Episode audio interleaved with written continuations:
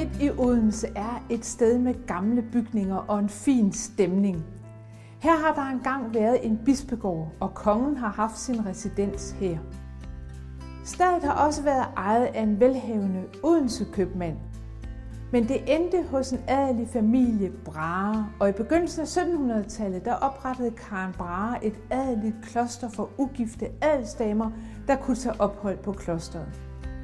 Karen Brahe elskede bøger, og hun skabte i sit jomfrukloster en enestående bogsamling på flere tusinde bind af bøger og sjældne manuskripter. Klosteret bestod helt frem til 1970, hvor de sidste adelige damer forlod stedet. I dag er Jomfruklostret smukt restaureret af Real Dania, og det benyttes af Syddansk Universitet. Karen Brahes bøger de er her ikke længere, men hvorfor ikke fylde det smukke gamle kloster med nye bøger? En samling af det bedste af nyere dansk litteratur. Velkommen til Majs Litteraturkanon.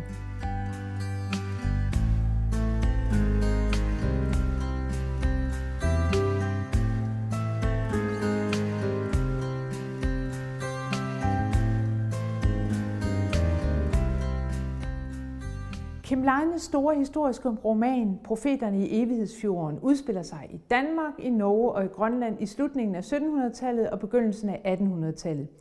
Romanen tager fat på et stof, der ofte er blevet overset i Danmark. Historien om Danmark som en kolonimagt, der har underlagt sig folkeslag som det grønlandske. Kim Leines roman fortæller sider af kolonihistorien ved at følge Morten Falk, en ung norsk student, der læser i København. Han er vildt interesseret i moderne videnskab og i den franske oplysningstanke. Han er fuld af eventyrlyst, men han ender som teolog. Samtidig bliver han træt af forholdet til sin forlovede, og han keder sig ved udsigterne til en borgerlig fremtid.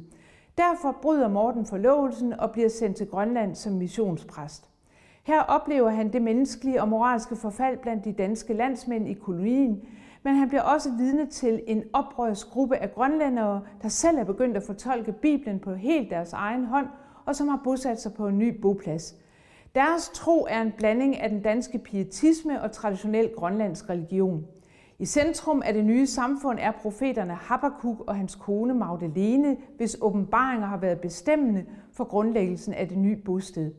Herfra bliver romanen ikke blot en historie om Morten og hans liv i det fremmede. Den bliver især, især en fortælling om et første forsøg i Grønland på at opnå selvstændighed. Igennem Mortens dagbog, der hører vi den blanding af kristendom og Grønlands tro, som profeterne og deres tilhængere de praktiserer. Morten selv bliver en del af deres kollektive liv. Han lægger sin præstekjole og krave, ja til med sin paryk, hvilket virkelig var dristigt for en 1700-tals person af rang og stand. I bygden kaldes han Palasi, og han døber børn og voksne, deltager i Habakkuk's ceremonier og oplever mirakuløse begivenheder. Han forelsker sig i en enke, som han har døbt, som også har et forhold til Habakkuk. Det frie, hippieagtige liv på bopladsen får dog ikke lov at fortsætte. Kolonimagten lægger bostedet øde, og Morten bringes tilbage. Hans dagbog giver en skildring af, hvordan kulturer kan blande sig og blive livsgrundlag for et folk med meget forskellig baggrund.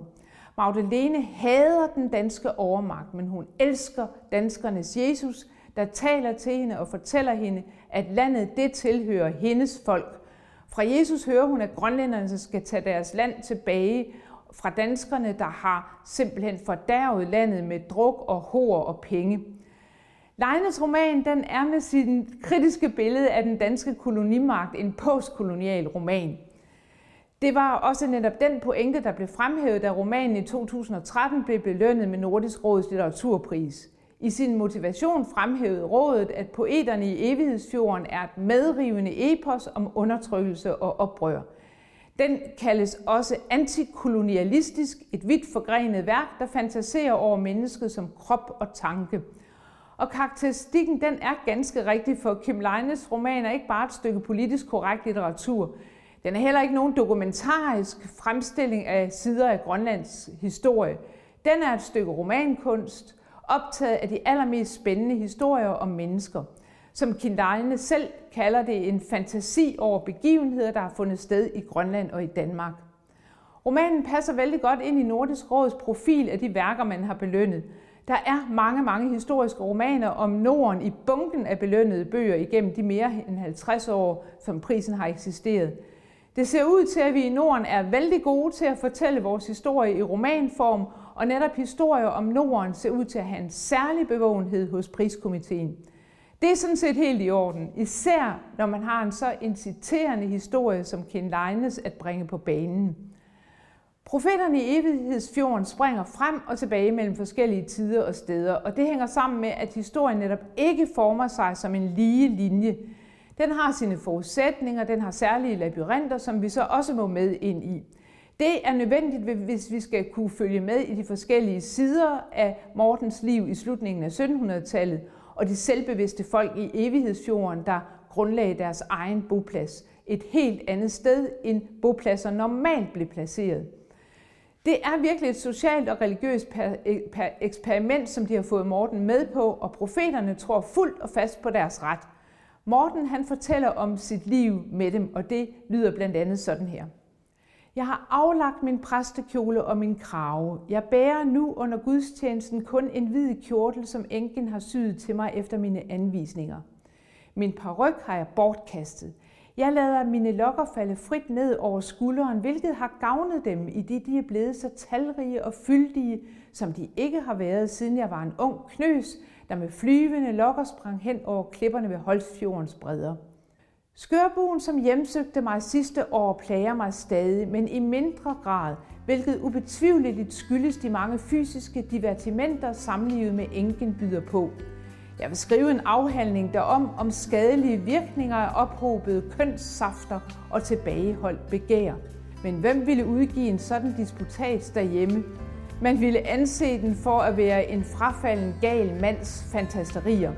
Så meget desto heldigere for mig, at jeg har gjort denne opdagelse og fundet ungdommens kilde, før det var for sent.